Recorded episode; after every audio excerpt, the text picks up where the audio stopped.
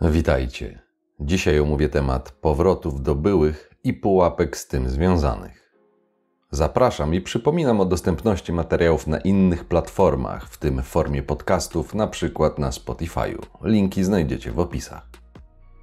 Na wstępie zaznaczę, że dzisiejszy materiał nie jest o tym, jak wrócić do byłej, czyli co konkretnie krok po kroku robić, aby zwiększyć szanse na taki powrót. Zamiast tego opowiem o schematach i ich przyczynach, które występują, gdy natkniesz się na taką sytuację, a prawdopodobnie wcześniej czy później doświadczysz tego w swoim życiu, dlatego musisz wiedzieć. Jeżeli chodzi o powroty, temat jest szeroko omawiany zarówno na kanałach o relacjach kierowanych do mężczyzn, jak i do kobiet, więc nie będę się na nich skupiał. Możesz bez problemu znaleźć te informacje samodzielnie. Techniki różnią się co prawda pewnymi subtelnościami, w zależności właśnie od tego, kto zabiega o powrót kobieta czy mężczyzna, ale co do zasady metody bazują na tych samych psychologicznych mechanizmach, a nawet trikach, bez względu na płeć. Po tym zastrzeżeniu czas na jeszcze jedno i przechodzę do meritum. Opowiem o powrotach, jednak przy założeniu, że jako facet sam jesteś już poukładany i dobrze, jeżeli znasz zasady gry czyli prawdziwą dynamikę relacji wynikającą z pierwotnych zachowań oraz sam nie masz szkodliwych lub toksycznych wzorców zachowań, które mogły zostać ci wpojone w procesie socjalizacji, albo przynajmniej masz świadomość występowania ich u siebie, bo tylko wtedy masz szansę coś z nimi zrobić, przepracować je i w konsekwencji zbudować w miarę stabilną relację, przynajmniej po swojej stronie, ewentualnie być zdolnym do jej zbudowania o ile nie trafisz na uszkodzone partnerki. Przypominam również, że najpierw trzeba mieć świadomość procesów, aby zyskać nad nimi kontrolę. W przeciwnym razie te podświadome nawyki zachowań kontrolują ciebie, a nie odwrotnie. Dlatego po raz kolejny powtórzę: obserwuj i poznaj siebie i swoje zachowania.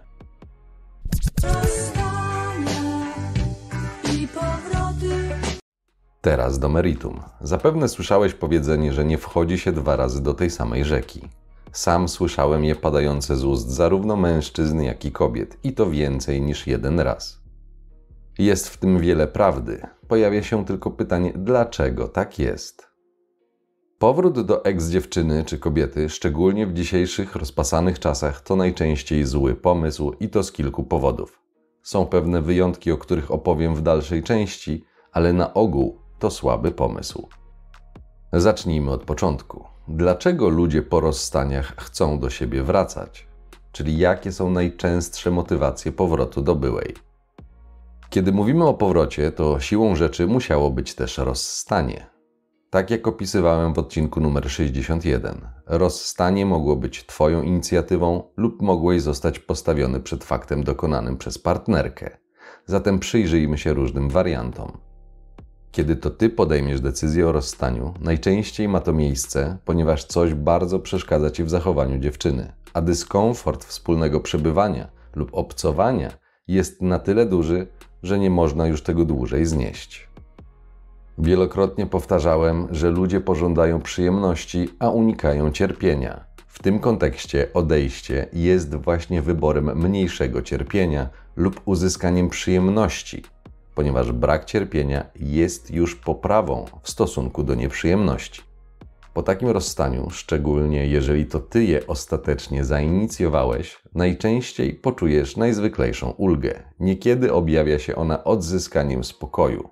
To najczęściej znak, że miałeś uszkodzoną lub wręcz toksyczną partnerkę, ponieważ gdyby wszystko było ok, dogadywalibyście się, szanowalibyście się, to nie musiałbyś odchodzić.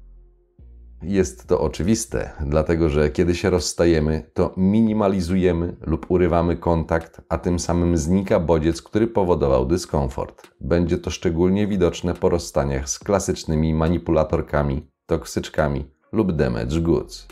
Bo bądźmy szczerzy, to co dzieje się za tak zwanymi zamkniętymi drzwiami w czterech ścianach, a to co jest pokazywane i ujawniane na zewnątrz, to są nierzadko dwa różne światy. Tym bardziej, że mężczyźni rzadko kiedy mają możliwość szczerego przedstawienia swoich problemów, ponieważ najzwyczajniej w świecie, mimo całej tej gadki, że mężczyźni mogą sobie popłakać, społeczeństwo problemy mężczyzn ma w dupie i najczęściej nikogo one nie obchodzą. Sprawdź, ile jest fundacji zajmujących się pomocą kobietom, a ile kierujących wsparcie dla mężczyzn. Z tego punktu widzenia spokojnie można by powiedzieć o piekle mężczyzn. Zwierzenie się faceta i w ten sposób próba wyrzucenia swoich emocji i problemów na zewnątrz, dokładnie tak jak robią to kobiety, będzie najczęściej odczytywana jako słabość. Przykro mi, takie są zasady gry. Zdarzają się wyjątki, ale to właśnie wyjątki, a nie reguła. Dlatego mówiłem o budowaniu małych wspólnot promęskich społeczności. Wracając do tematu. Wychodząc z relacji, ci, którzy nie wybrali drogi MGTOW, wcześniej czy później będą chcieli znaleźć sobie inną kobietę do stałego związku. Wrócą z powrotem na rynek i wtedy są dwie opcje. Albo znajdą nieuszkodzoną kobietę, z którą będą mieli przynajmniej na tym etapie życia wspólne cele i razem będzie im po prostu po drodze, wtedy będą w stanie zbudować satysfakcjonujący ich związek, albo przekonają się, że liczba uszkodzonych kobiet, zdradzających ogromną ilość czerwonych flag, których nie polecam ignorować, jeżeli Twoim celem jest faktycznie zbudowanie w miarę stabilnej relacji, jest bardzo duża i wtedy zaczynają się schody. Nieuszkodzone, skłonne do kompromisu i współpracy, nienarcystycznie egoistyczne kobiety są już w dużej mierze w związkach.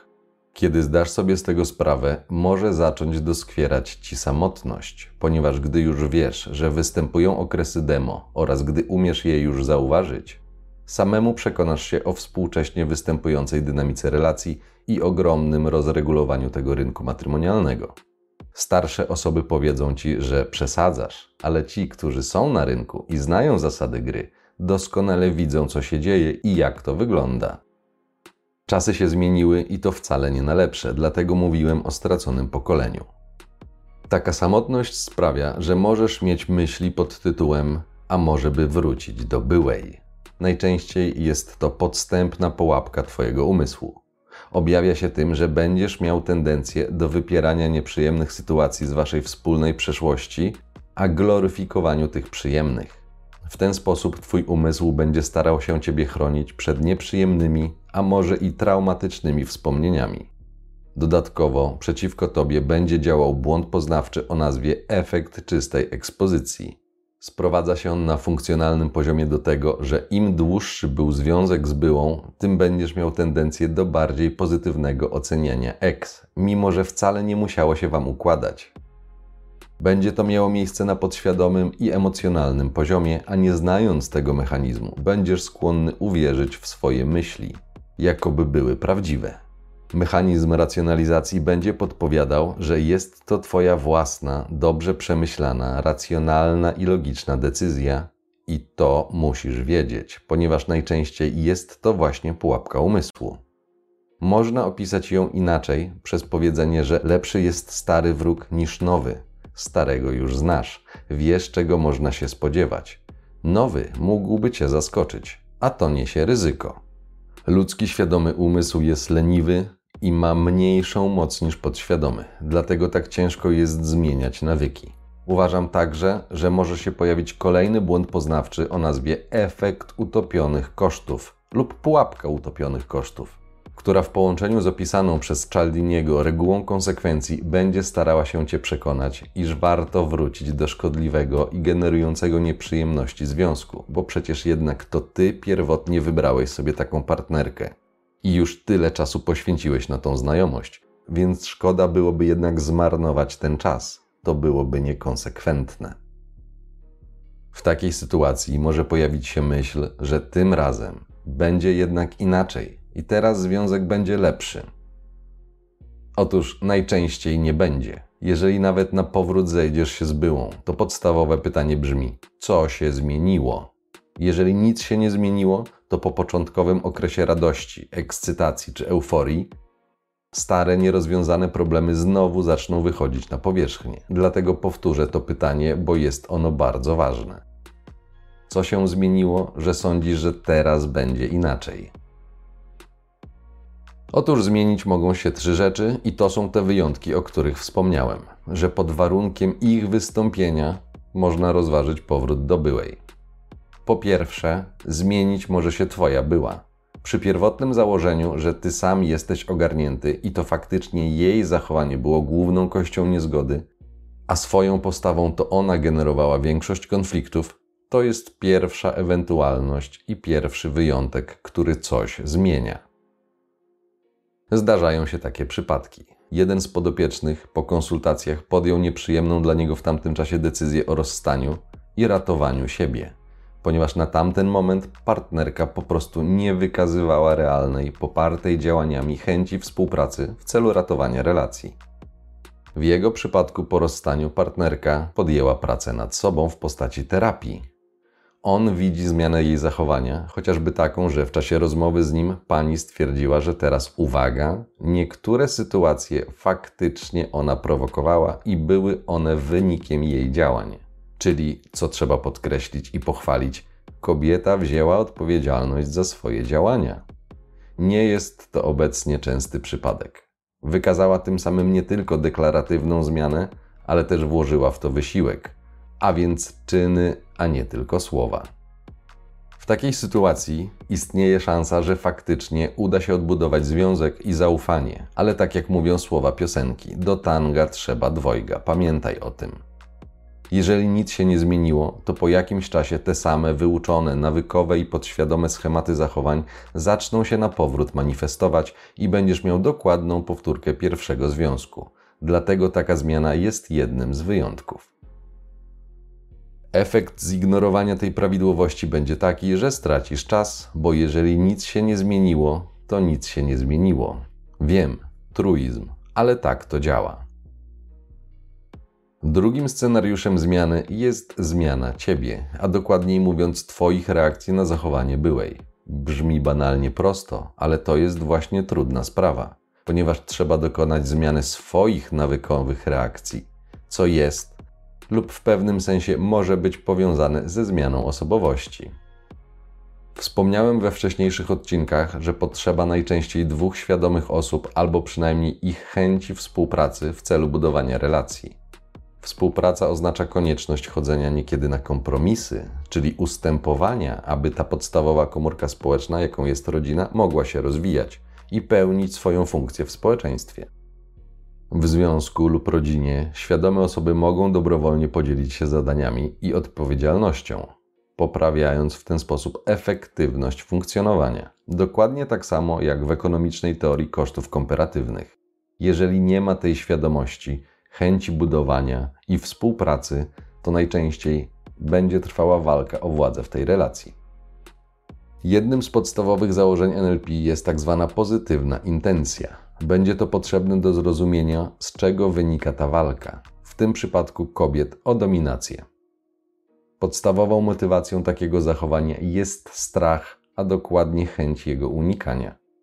Kontrolowanie partnera w związku zmniejsza ryzyko jego niepożądanego zachowania, które może być dla kobiety szkodliwe lub niebezpieczne. Zatem pozytywną intencją po stronie kobiety w tej walce o dominację w związku jest potrzeba bezpieczeństwa. Mentalna kastracja i ranienie partnera jest najczęściej efektem ubocznym, a nie głównym i zamierzonym.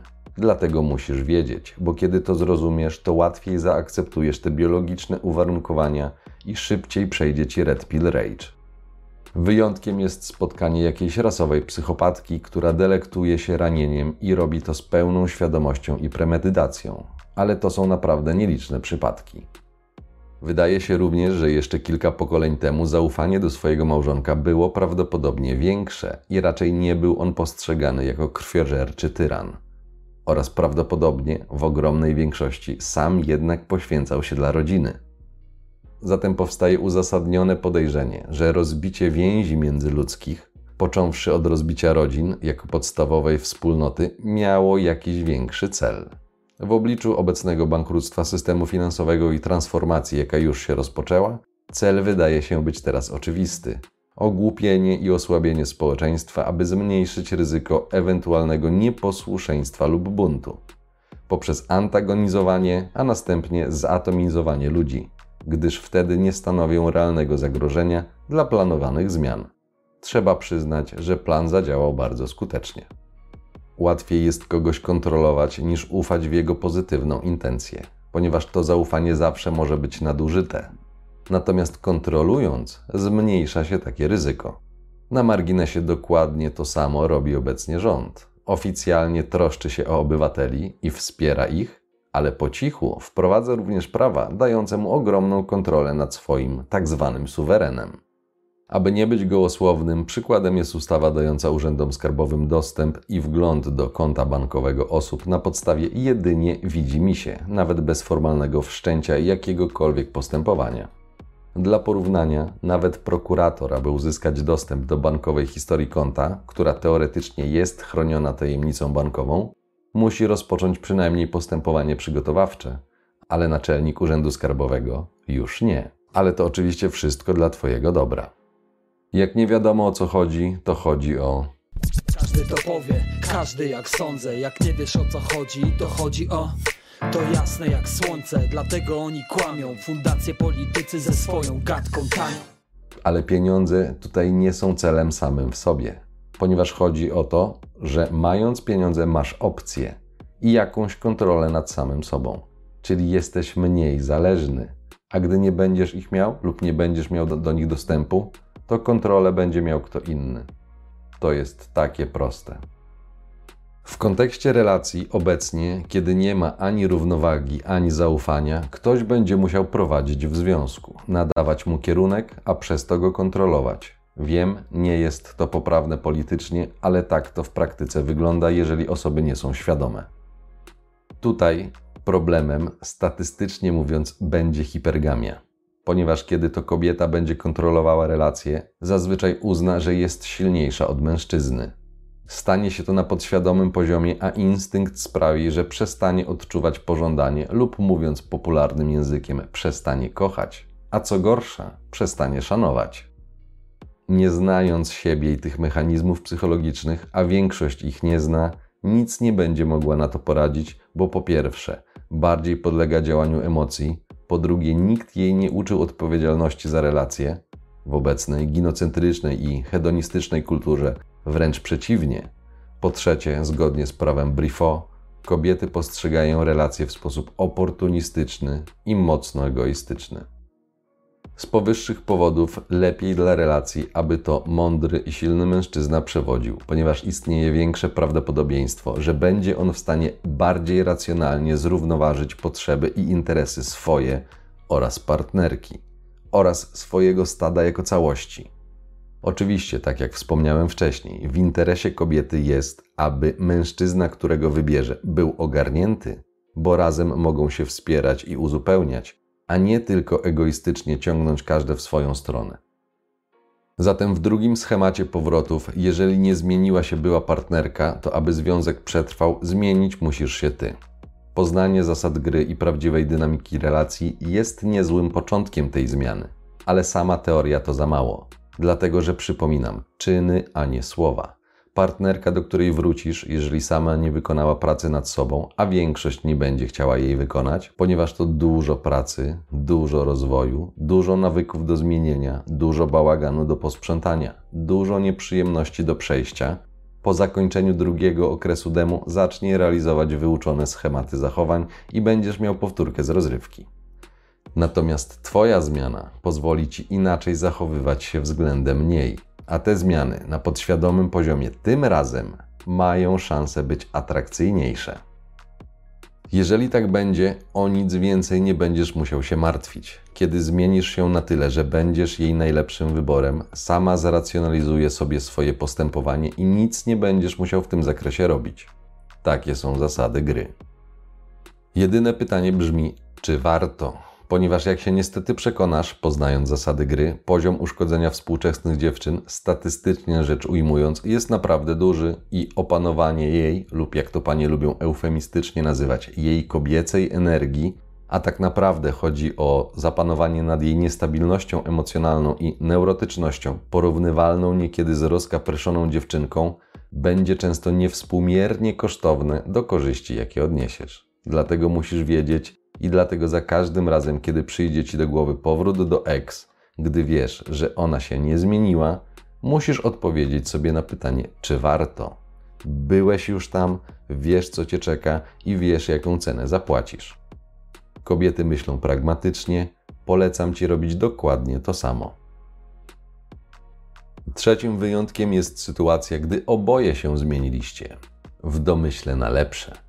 Sytuacja, gdy etap rozstania pozwolił obojgu poukładać sobie w głowie swoje priorytety, gdy dowiedzieliście się, co jest dla Was ważne i oboje jesteście teraz gotowi iść na pewne kompromisy, czyli słowem, gdy będziecie gotowi i na tyle dojrzali, aby móc skutecznie się komunikować, przede wszystkim chcieć siebie słuchać, to macie szansę zbudować związek, tym razem na solidniejszej podstawie.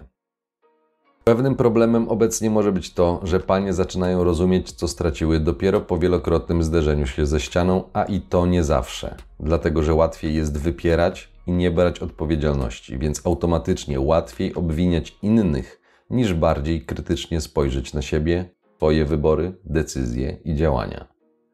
W związku z tym, że zmiana siebie może być po prostu długa, a pani uderzy w ścianę, Twój gadzi mózg przestanie patrzeć na nią w tak porządliwy sposób jak kiedyś.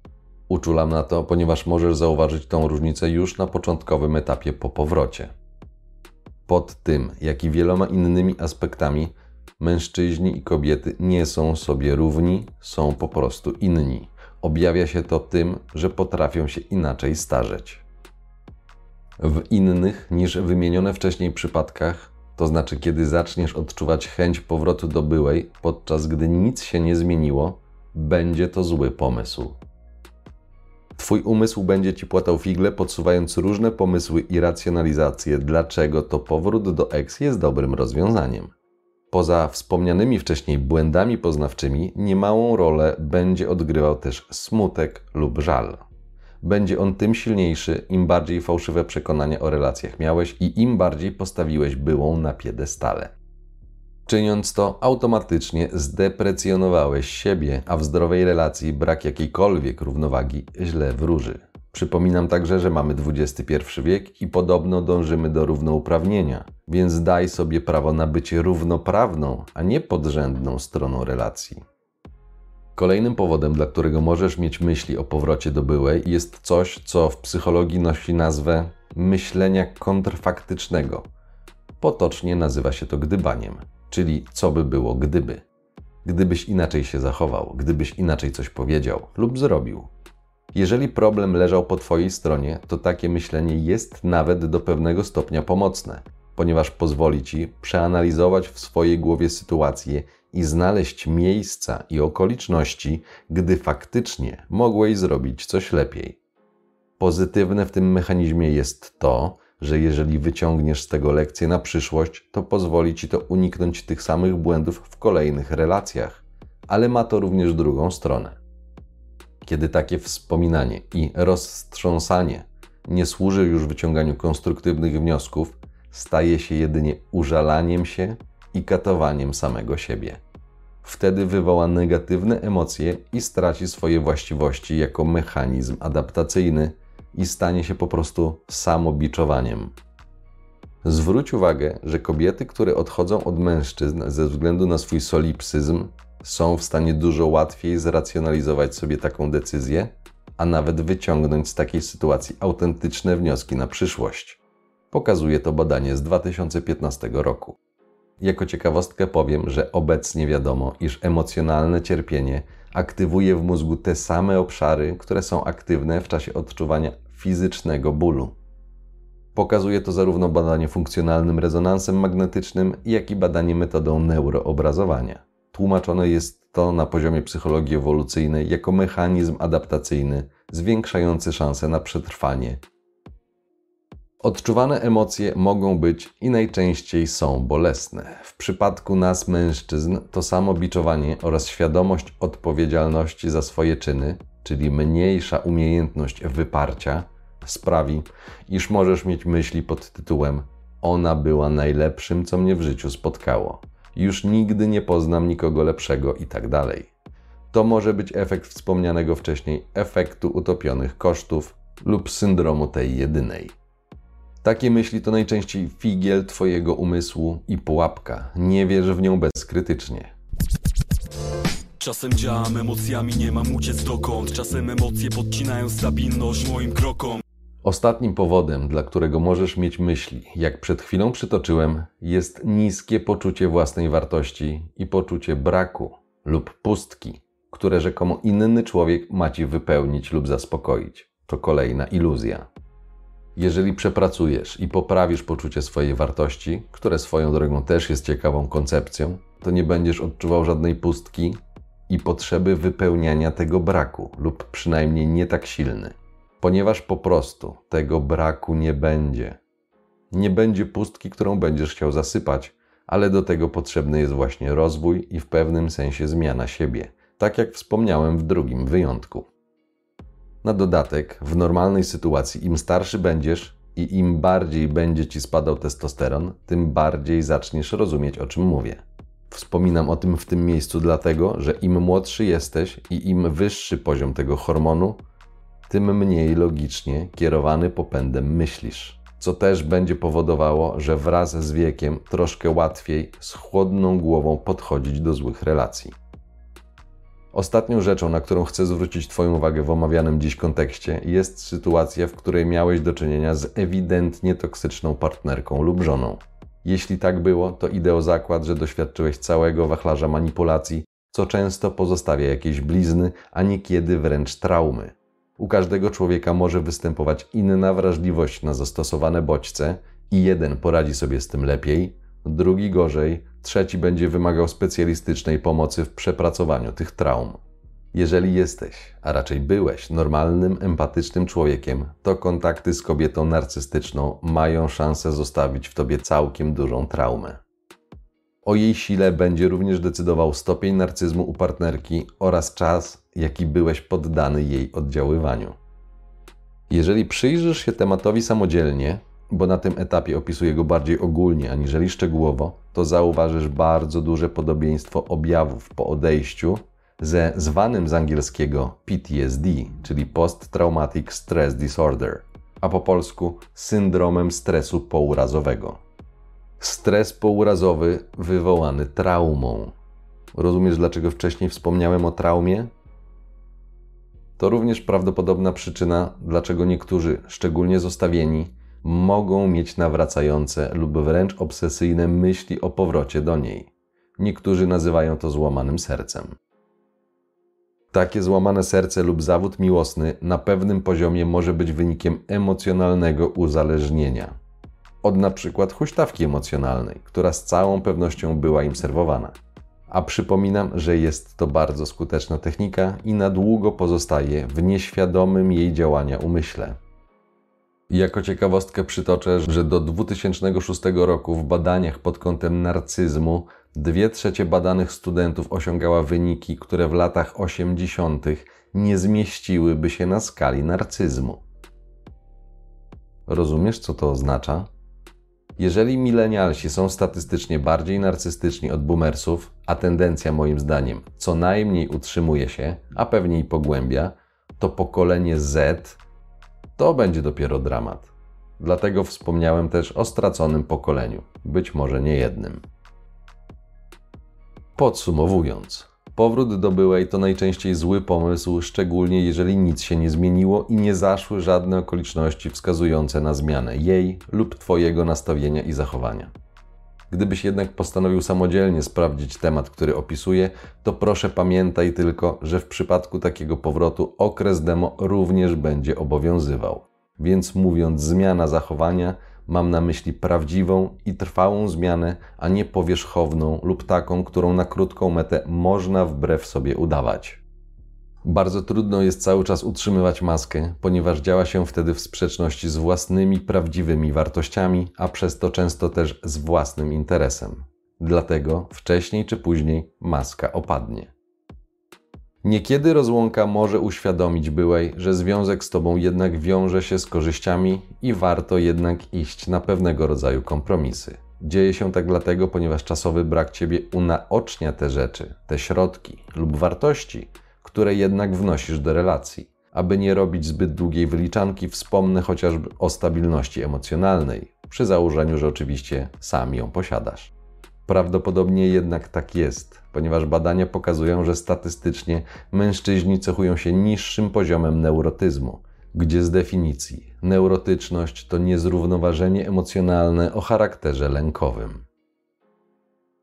Gdyby jednak realnie nic się nie zmieniło, to z prawdopodobieństwem graniczącym z pewnością wchodzisz drugi raz nie do tej samej rzeki, jak mówi ludowa mądrość, a do tego samego cuchnącego bajora, gdyż woda tam stoi i nic się nie zmieniło, czyli problemy, które były pierwotnie, cały czas tam są.